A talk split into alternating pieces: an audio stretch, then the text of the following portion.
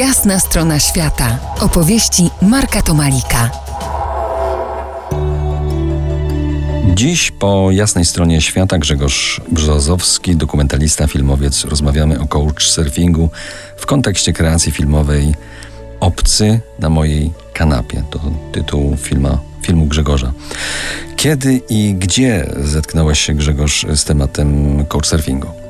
Pierwszy raz stało się to podczas mojego pobytu na stypendium Erasmusa w Holandii i dowiedziałem się o tej inicjatywie od koleżanki, która przymierzała się do pisania swojej pracy naukowej na ten temat. Namówiła mnie właściwie do tego, abym zaryzykował pierwszą swoją przygodę z tym e, portalem, bo oczywiście pierwsza reakcja moja była bardzo nieufna. Zastanawiałem się, czy to nie jest jakiś sposób na przeprowadzanie prze, przestępstw czy jakiej bądź yy, mrocznej działalności. Okazało się inaczej.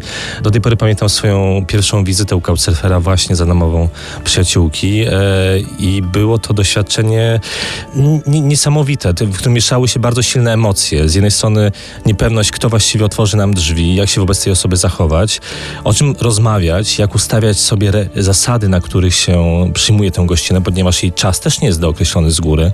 Czasami to może być dzień, czasami może być tydzień. To wszystko zależy już od indywidualnych y, rozstrzygnięć.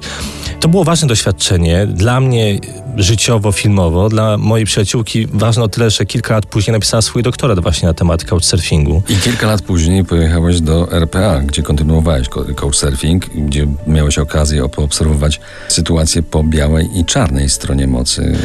Czy zdziwiła cię broń u białych? To było niezwykłe doświadczenie, ponieważ w przeciągu tygodnia, podróżując między Durbanem, Kapsztadem a Johannesburgiem, miałem okazję odwiedzić cztery mieszkania bardzo zróżnicowanych mieszkańców RPA, którzy też mieli różne strategie radzenia sobie z kulturą przemocy, która niestety jest temu fundowana. Mówi się, że w RPA statystyki wskazują 49 zabójstw dziennie.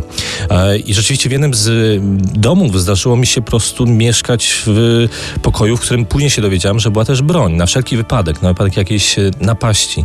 Oczywiście to nie była jedyna strategia. Niektórzy mieszkali po prostu w bardzo grodzonych osiedlach.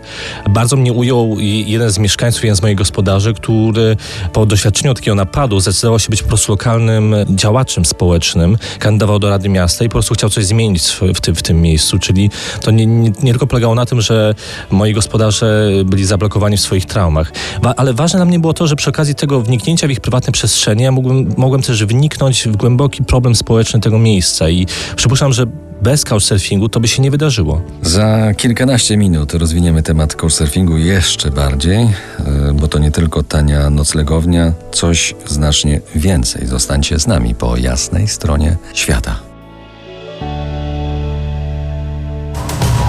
To jest jasna strona świata w RMS Classic.